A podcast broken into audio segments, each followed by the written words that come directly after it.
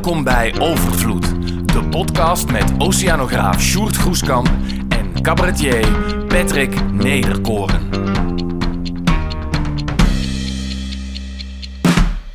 Ja, welkom uh, in uh, de Schouwburg van Kuik, waar we net de voorstelling Overvloed uh, hebben gespeeld. We zitten nog een beetje bij te komen, Sjoerd. Publiek is er nog, dat is heel erg fijn. was ook heel erg fijn publiek vandaag. en we zitten hier met Janine Pothuizen en Geerte de Bruyne. En we gaan het hebben over klimaatgesprekken. Um, en ik dacht, Janine, laten we heel even persoonlijk bij jou beginnen. Jij bent organisatiepsycholoog, al vijf jaar betrokken, of langer zelfs nog, geloof ik, bij klimaatgesprekken. Je bent nu directeur opleidingen daar en je, je traint bijvoorbeeld klimaatcoaches, die leid je echt op. Je bent zelf over klimaatverandering gaan nadenken toen je op een dag dacht: laat ik mijn voetafdruk eens gaan meten. Ik dacht, eh, waarom wilde je dat doen en hoe doe je dat? Ja, ik, ik, ik, wilde mijn voetafdruk meten omdat ik, uh, ik heb een man die enorm uh, groen is. En uh, groen bedoel ik dan een groen hart heeft. En dat heeft hij altijd al. En hij liep altijd achter me aan van doe dat licht uit en kan je korter douchen. En nou ja, jullie hebben het net ook een beetje in de voorstelling gezien. Dat leidt niet altijd tot leuke gesprekken. Maar op een moment was ik met hem op vakantie en toen stapten we op de terugweg 2015 in de trein. In Italië. En die trein die zat vol met vluchtelingen.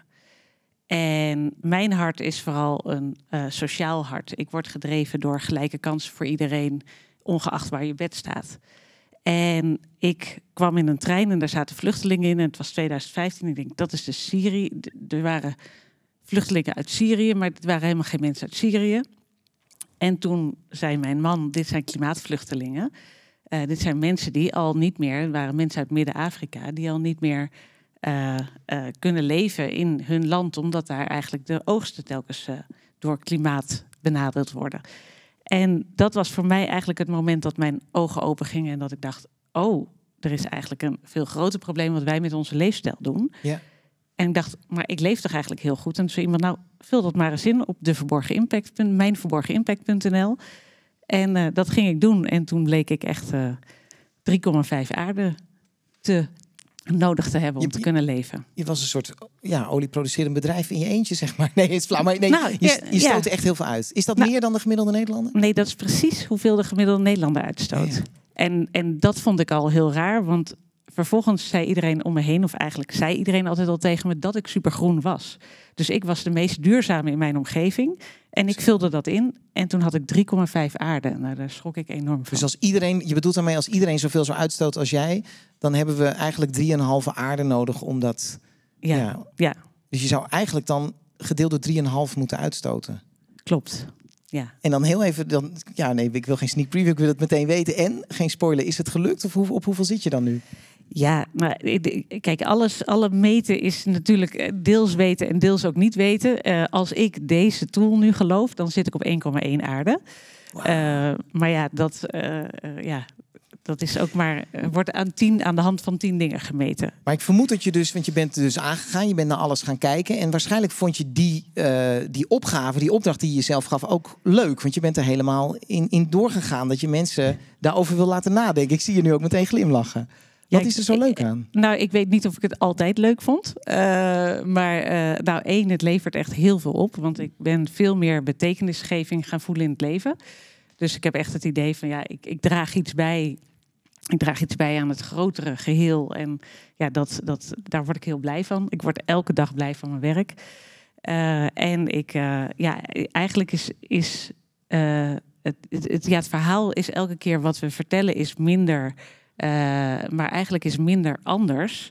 En dat anders is eigenlijk best leuk. Hmm, je weet soms niet wat als je, het, als je ermee stopt, wat je ervoor terugkrijgt. Maar ik krijg er tijd voor terug. Ik krijg er rust voor terug. Ik krijg er betekenis voor terug. Ik krijg er vrienden voor terug. Het zijn allemaal mooie dingen klimaatgesprekken. Want daar heb je je toen bij aangesloten. Dat, als ik het goed heb, is dat uh, naar, naar een Brits model... waar al veel werd gesproken, een soort gespreksvorm over uitstoot. En jullie proberen volgens mij mensen die uh, in hun dagelijks leven willen weten wat ze uitstoten... en dat willen verminderen, op een leuke manier een training van een aantal edities aan te geven. Ik geloof zes keer is het, hè? Um, hoe gaat het precies in zijn werk? Kan je, kan je dat uitleggen? Kan iedereen zich aanmelden? Waar kom je terecht? Ja, iedereen kan zich aanmelden. Uh, klimaatgesprekken is, een, uh, is inderdaad een methodiek. Zes, zes keer uh, twee uur kom je bij elkaar in een workshop met mensen die eh, allemaal denken: ja, ik wil eigenlijk wel meer snappen wat ik kan doen. Dus die, ja, die beginnen, het groene lichtje begint een beetje te branden, of die branden al en ze zijn zoekende. En, en hier vinden ze een groep over het algemeen van gelijkgestemden, waar ze, waar ze met elkaar kijken van hoe kan ik nou mijn voetafdruk verkleinen, mijn handafdruk vergroten. Kijken ze eerst naar wat vind ik nou belangrijk en vervolgens ga je eigenlijk stap voor stap door je leven heen. Van hey, wat kan ik nou, uh, wat kan ik nou doen in de verschillende uh, thema's in mijn leven, op reizen, op eten, op wonen, op consumeren. En vooral ook, en daar hadden jullie het in het laatste stuk van de uitzending over, of uit de, van de voorstelling over, vooral ook over je handafdruk vergroten. Ja. Dus het meenemen van die anderen. Daar komen we denk ik zo op. En uh, jij bent psycholoog ook. Is het zo dat als je met een groep daarover spreekt, is, helpt dat je om het te gaan doen? Is dat. Ja, ik zie je meteen knikken. Ja. ja. Ja, ja, het is uh, nou één, uh, dat, dat zien jullie in de voorstelling, laten jullie het ook heel goed zien. Hè? Als je in je eentje bezig bent, dan voelt dat zo alleen. Uh, in een groep ben je meteen samen, zie je wat anderen doen, inspireer je elkaar, zie je dat dat beweging oplevert en, en je voelt ook dat er meer mensen zijn die hetzelfde, die, die zich over dezelfde dingen zorgen maken. Want dat is eigenlijk wat we te weinig tegen elkaar uitspreken. We spreken te weinig tegen elkaar uit dat we ons zorgen maken. Daar waar jij geraakt werd in het hart door het verhaal van Sjoerd, ja. dat is wat we met elkaar te doen hebben. We noemen hoe erg het voor jou is. Wat jij, waar, jij, waar jij je zorgen over maakt en welke toekomst jij eigenlijk zou willen zien voor jezelf en voor anderen. Ja. En jij leidt mensen op om die gesprekken voeren. Wat, wat geef je die klimaatcoaches naast je zitten? En Geert, daar komen we zo bij. Maar wat, wat geef je ze mee? Op, op welke manier kan je zo'n klimaatcoach zijn? Uh, ja, ja uh, vooral uh, snappen dat iedereen zijn eigen proces loopt. Dat autonomie daarin een heel belangrijk aspect is. Hè? Dus dat je zelf je keuzes maakt en dat de snelheid van iedereen een andere snelheid is. En dat je daarin dingen tegenkomt die wij als weerstand benoemen. Maar die eigenlijk gaan over, uh, ik snap het niet, uh, ik wil het niet, want ik heb daar een, een, leuke herinnering aan van vroeger, dus ik wil helemaal niet veranderen.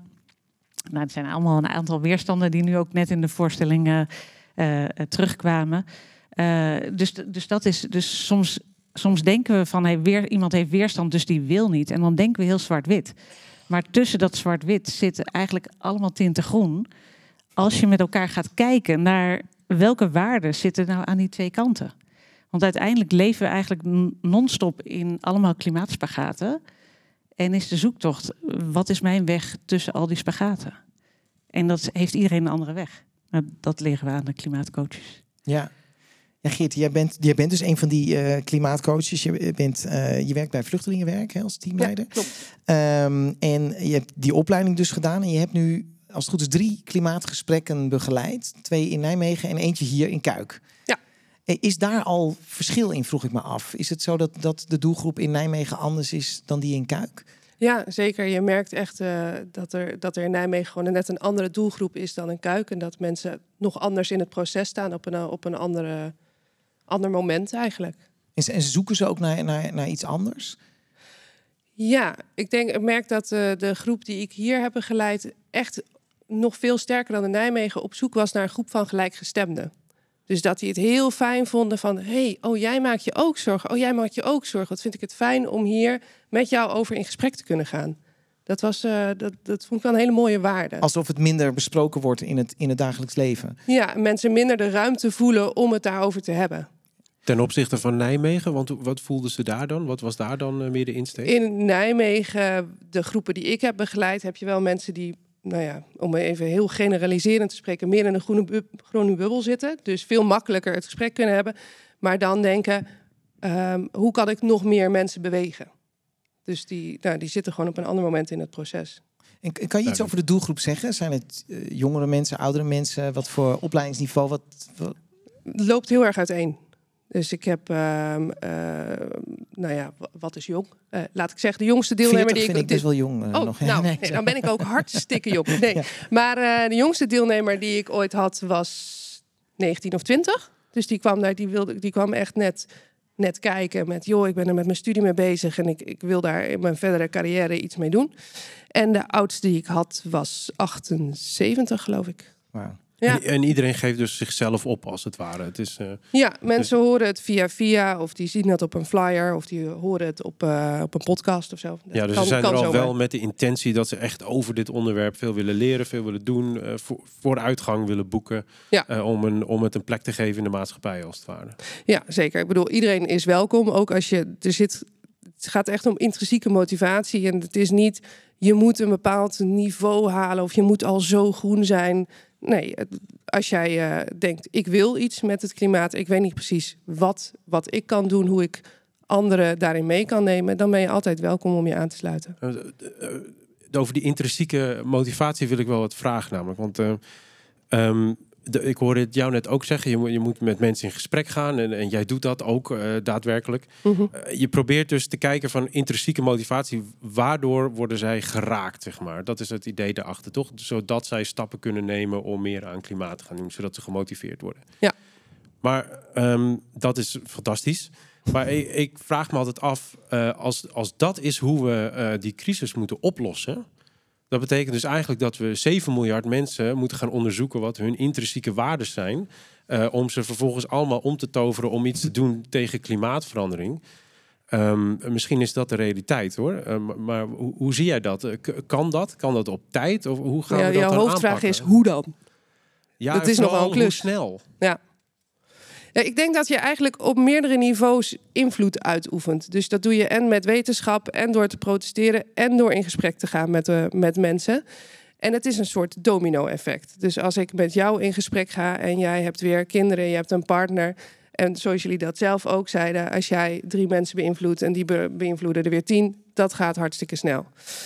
Ehm, maar ik heb ook.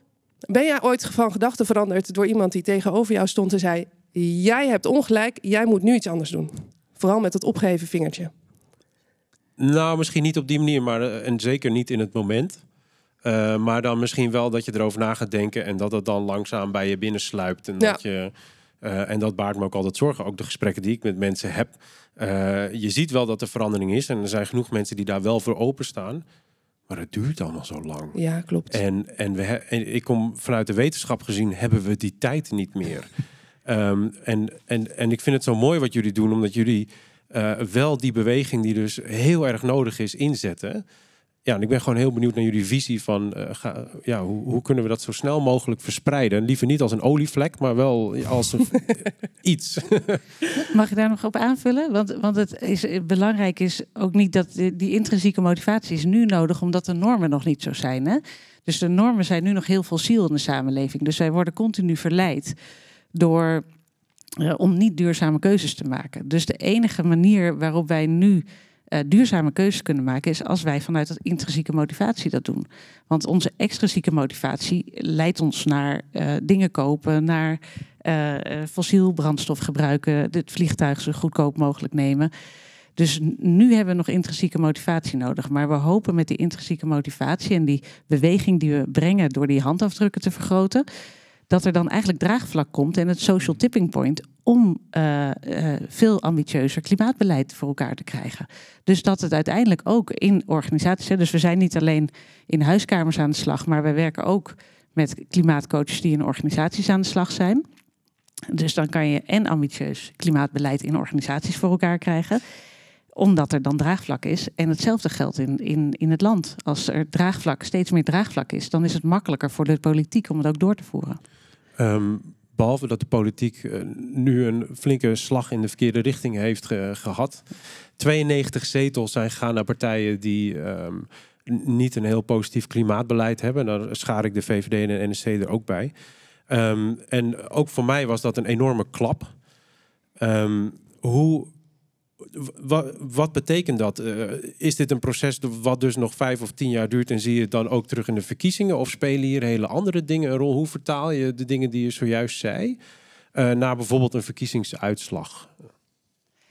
Ehm, ja, ik denk onder andere door eh, te bedenken dat mensen in dat hokje rood kunnen stemmen op PVV. Maar ook 75% van de mensen maakt zich zorgen over het klimaat. En diegene die dat rode kruisje aanstreept voor de PVV, kan zich net zo goed ook zorgen maken over de toekomst. Alleen wij maken daar meteen een zwart-wit verhaal van. eh, van nou, die heeft daar dat kruis gezet, dus die zal wel niet uh, dan klimaat belangrijk vinden. Maar dat, dat is niet zo zwart-wit. Onder de waterlijn is daar van alles uh, wat wel gaande is. Dus ik denk dat dit een beweging is in de, in de chaos van de transitie die we nodig hebben. Of de, niet, we hebben die, ja, die beweging hebben eigenlijk ook nodig. We zitten namelijk in de chaos. En dan gaan mensen af en toe uh, weer bewegen naar, vanuit weerstand of vanuit spanning naar iets wat ze kennen. En, en, en ondertussen kunnen we van onderaf voeden dat het anders wordt. Ja, er, zit, er zit één dingetje volgens mij ook onder jouw vraag. Um, hoe blijf je geduldig? Dat is eigenlijk een vraag aan jullie allebei. Dus, dus hoe meer je weet over klimaatverandering, uh, daarom wilde ik deze voorstelling ook maken. Hoe, hoe eigenlijk hoe verbaasder je bent over hoe ver we al zijn en hoe relatief weinig er gebeurt. Je kunt ook met een positieve beeld naar kijken, maar er gebeurt ook. Hoe blijf je ja, jullie gaan het gesprek ook aan met, met mensen die, die anders denken. Je leert ook mensen die die klimaatgesprekken doen om gesprekken aan te gaan met mensen die anders Hoe, hoe hou je je geduld? Ja, dat wisselt. Ik kan op een ochtend wakker worden en denken, nou, over, uh, over 50 jaar uh, staat de oceaan tot, uh, nou, we zitten in Kuik, we zitten al vrij hoog, maar zitten we hier aan het strand. En dan denken we, hadden we toen maar het inzicht gehad. En soms sta ik op, een, op een markt met, voor klimaatgesprekken met mensen te kletsen. En dan komt iemand langs, ja, oh, klimaatgesprekken, oh, dat vind ik wel ingewikkeld. Maar dan ga ik wat verder vragen, doe je dan ooit iets? let je op, bijvoorbeeld op wat je eet? Ja, nee, niet echt. Nou ja, vlees eten, dat vind ik eigenlijk, ja, dat hoeft voor mij niet meer zo. En die boontjes uit, uit Venezuela, nou, dat vind ik eigenlijk ook maar onzin. Weet je, dus dit, dan zie je dat er, alhoewel iemand zich heel erg stileert als, nou, dat, daar heb ik allemaal niks mee te maken, dat er al wel, terwijl die persoon er niet eens van bewust is, al dingen zijn veranderd. Ja. Dus je ziet een normverschuiving. En dat, daar moet je wel scherp op zijn dat dat daadwerkelijk gaande is. En, dan nog even om die, om die methode helder te krijgen. Jullie hebben eh, die zes weken verschillende thema's. Het gaat over wonen, het gaat over voedsel, het gaat over transport. Eh, er worden allerlei oefeningen gedaan, uh, dus het inzicht wordt verruimd. Er worden ook praktische tips gegeven voor wat, wat kan je dan gaan doen. Dat gaat eigenlijk over die voetafdruk. En de laatste sessie die gaat over de handafdruk. En dan ga je ook kijken waar ligt, waar ligt je invloed. Wat, wat zie je gebeuren met, met deelnemers die dus misschien binnenkomen en wel een beetje groen zijn, maar met wat voor inzichten gaan ze na die zes weken naar huis? Want jullie resultaten zijn best wel goed. Ik geloof dat iets van 80% het leven ook daadwerkelijk echt verandert. Wie, ja, wie? Ja. Um, nou, je ziet een aantal dingen gebeuren. In de eerste plaats hebben mensen gelijkgestemden om zich heen en denken ze: oh, dit is heel prettig. Ze krijgen vrij snel inzichten, handvatten in wat kan ik nou zelf doen, wat doe ik al en wat zou ik nog passend binnen mijn leven kunnen veranderen. Maar ook het gesprek aangaan met anderen, dat vinden de meeste mensen en ik persoonlijk ook nog steeds het alleringewikkeldst als ik bij de koffieautomaat sta en iemand zegt: Ja, ik ben even voor een weekendje naar Barcelona op en neer gevlogen. Dan breekt mijn hart en weet ik niet zo goed wat ik moet zeggen.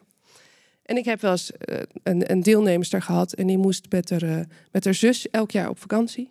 En uh, ging ze een weekendje. Ja, ja, ja, nou ja, nee, nee moest, wilde ze ook graag. Maar wat ze ingewikkeld vond, was dat ze heel graag die familieband goed wilde houden. Uh, en daar ook echt heel graag in investeerde. Maar haar zus die boekte dan een weekendje naar Barcelona. En dat vond ze heel ingewikkeld, want ze wilde dat gesprek wel aansnijden. Maar ze dacht ook, ja, ik wil niet op de tenen staan. En zometeen hebben we een familiedrama. En dat is dan weer ingewikkeld. En hoe pak je dit nou aan? Daar hebben we denk ik drie sessies over gehad. Uiteindelijk heeft ze uh, de stoute schoenen aangetrokken en gezegd: Ja, oké, nee, jullie hebben me verteld, ik moet het bij mezelf houden en wat mijn motivatie zijn. En ik moet met haar in gesprek gaan waarom ik het belangrijk vind om met haar op vakantie te gaan. Je onderhoudt de band, je wil gezellig samen iets doen en hoezo maakt het uit waarheen. Al moed bij elkaar geschraapt, ze is het gesprek aangegaan. En ze kwam de laatste sessie terug en mij zo, ja, en, en, en, hoe ging het?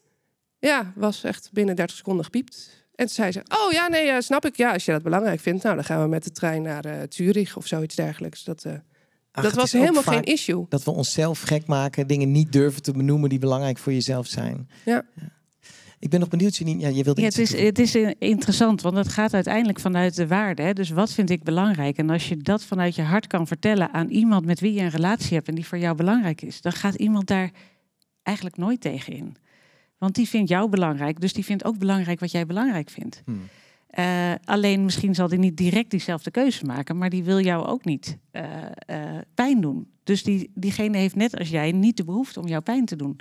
Daarvoor heb je samen een relatie. Ik, ik denk ook als je het dicht bij jezelf houdt, als je jezelf laat kennen, dan kan die ander zich ook niet aangevallen voelen. Omdat het enige is dat je laat zien wat voor jou belangrijk is. Ik had nog Janine nog wel een vraag. Er wordt best wel veel gesproken rondom die klimaatgesprekken over het, dat het optimistisch moet. Uh, en nou, nou, vertelde ik in de voorstelling dat ik altijd heel erg van het, van het sombere hou om er daarna weer uit te klimmen, zeg maar. Wat is daar vanuit de psychologie uh, wat is daarover bekend? Dus is, het, is de shocktherapie, het doemscenario, is het goed om mensen daarmee te confronteren? Of is het juist goed om opgewektheid, uh, met opgewektheid te brengen? Bij klimaatgesprekken werken we vanuit hoop, humor en handelingsperspectief. Ja. Dat zijn onze uitgangspunten. Uh, het is, en die drie zijn gewoon heel belangrijk. Dus het is ontzettend belangrijk om alle, dat alle emoties er mogen zijn. Ehm, maar ja, je ogen gaan dicht. En dat vroeg jij natuurlijk in het begin ook.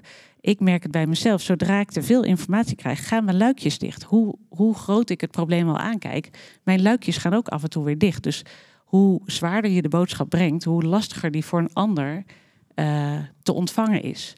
Dus de zoektocht is, hoe kan je nou elke keer zaadjes planten, brokjes informatie geven. Als iemand behoefte heeft aan die brokjes informatie, hoe kan je die brokjes informatie geven?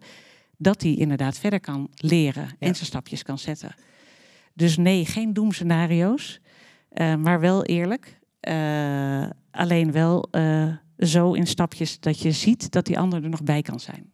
Maar als eerlijkheid het doemscenario is. Ja, maar dat, ja, dat is een, een grap. Want als eerlijk, ik denk dat beide waar is. Hè? Dus eerlijkheid is het doemscenario, maar eerlijkheid is ook het mooie verhaal wat jij net aan het eind vertelde. Ja, dus het is een combinatie van het doemscenario en het handelsperspectief. Wat erbij zit. De, waar je naartoe kan werken, mits je het goed doet, dat je weet waar je het voor doet en hoe je daar kan komen. En dat daar zit de hoop. Uh, dus daarom is die altijd vanuit hoop uh, uh, geredeneerd. En, en het doemscenario, niemand zou jou echt, ja, er zijn misschien wel mensen die jou vragen van gaat de wereld er echt aan? Maar uh, over het algemeen zullen mensen die vraag niet eens stellen omdat ze eigenlijk je antwoord niet willen horen. Uh, dus geef ze niet die informatie als ze jou die vraag niet stellen. Ja, dat was in de voorbereiding van deze voorstelling fijn geweest als je daar rekening mee had gehouden, Sjoerd. um, we konden wel een sessie gebruiken. Ja, ja precies. ja, ja. Um, het ging heel even over. Uh, jij zei dat net, Geert, over 2050, dat je soms bezorgd kan zijn. Uh, en jij had het Janine net over dat we nog in een, in een wereld leven waarin we een soort. Ja, waarin de keuze eigenlijk al heel snel met fossiel te maken heeft. Laten we even dromen. Dus dat mag vanuit het opgewekte. Um, waar zijn we in 2050? Hebben we nog klimaatgesprekken nodig? Of is iedereen al een keer bij zo'n gesprek geweest? Dus je meest optimistische droom, Geert, hoe ziet die eruit? De meest optimistische droom um, is dat we, dat we de gesprekken, dat het zo natuurlijk is geworden dat het ons niet meer opvalt. Dat het zo natuurlijk is geworden om te, te, te blijven bij wat heb ik eigenlijk nodig als mens? Waarom ga ik naar een verjaardag? Waarom, waarom bezoek ik een vriend? Um, en ni, niet meer uh, uh, per se op vakantie naar New York hoeven, maar denken: oh ja, maar ik wil gezellig met mijn zus ergens uh, een spelletje doen in een hutje op de hei. Want ik vind het belangrijk om in die relatie te investeren. Dus behoeftes moeten weer een normale maat krijgen. Ja, denk het wel. En, en, en is het, lukt dat? Vanochtend dacht ik van niet. Sommige dagen denk ik van wel. Dat is eerlijk, ja. Janine? Ja, ik, ik, vind die, ik vind die heel mooi. Hè? Dus als, als we kijken naar de waarde, vanuit de waarde zou ik echt hopen dat we in 2050, daar droom ik van, dat we gewoon met elkaar weer voor elkaar zorgen. Dus het collectief veel belangrijker is dan het individu. Uh, en dat, uh, dat we de natuur uh, zien als gelijke aan ons, als van ons. Niet van ons in bezit, maar mm -hmm. wij zijn de natuur. Dus, um, dus dat we daar dat we eh, leven met de natuur en niet de natuur uh, als bezit uh, ja. zien. Ja, ik denk dat als die twee waarden uh, zo groot zijn, dan, weet je, dan, dan weeg je alles. Als je vanuit deze waarden alles redeneert, vanaf nu, hè, dan is je gedrag zo aangepast. Dus wow. ja, 2050 zijn we er.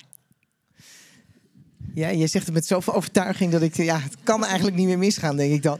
Ehm, mocht je ofwel luisteren of hier zitten en denken... Uh, ik, wil, ik wil in gesprek. Hè? Ik vind het fijn om dit te gaan doen. Op klimaatgesprekken.nl kan je alle informatie vinden over de klimaatgesprekken. En ook alle edities. Maar de revolutie gaat beginnen hier in Kuik.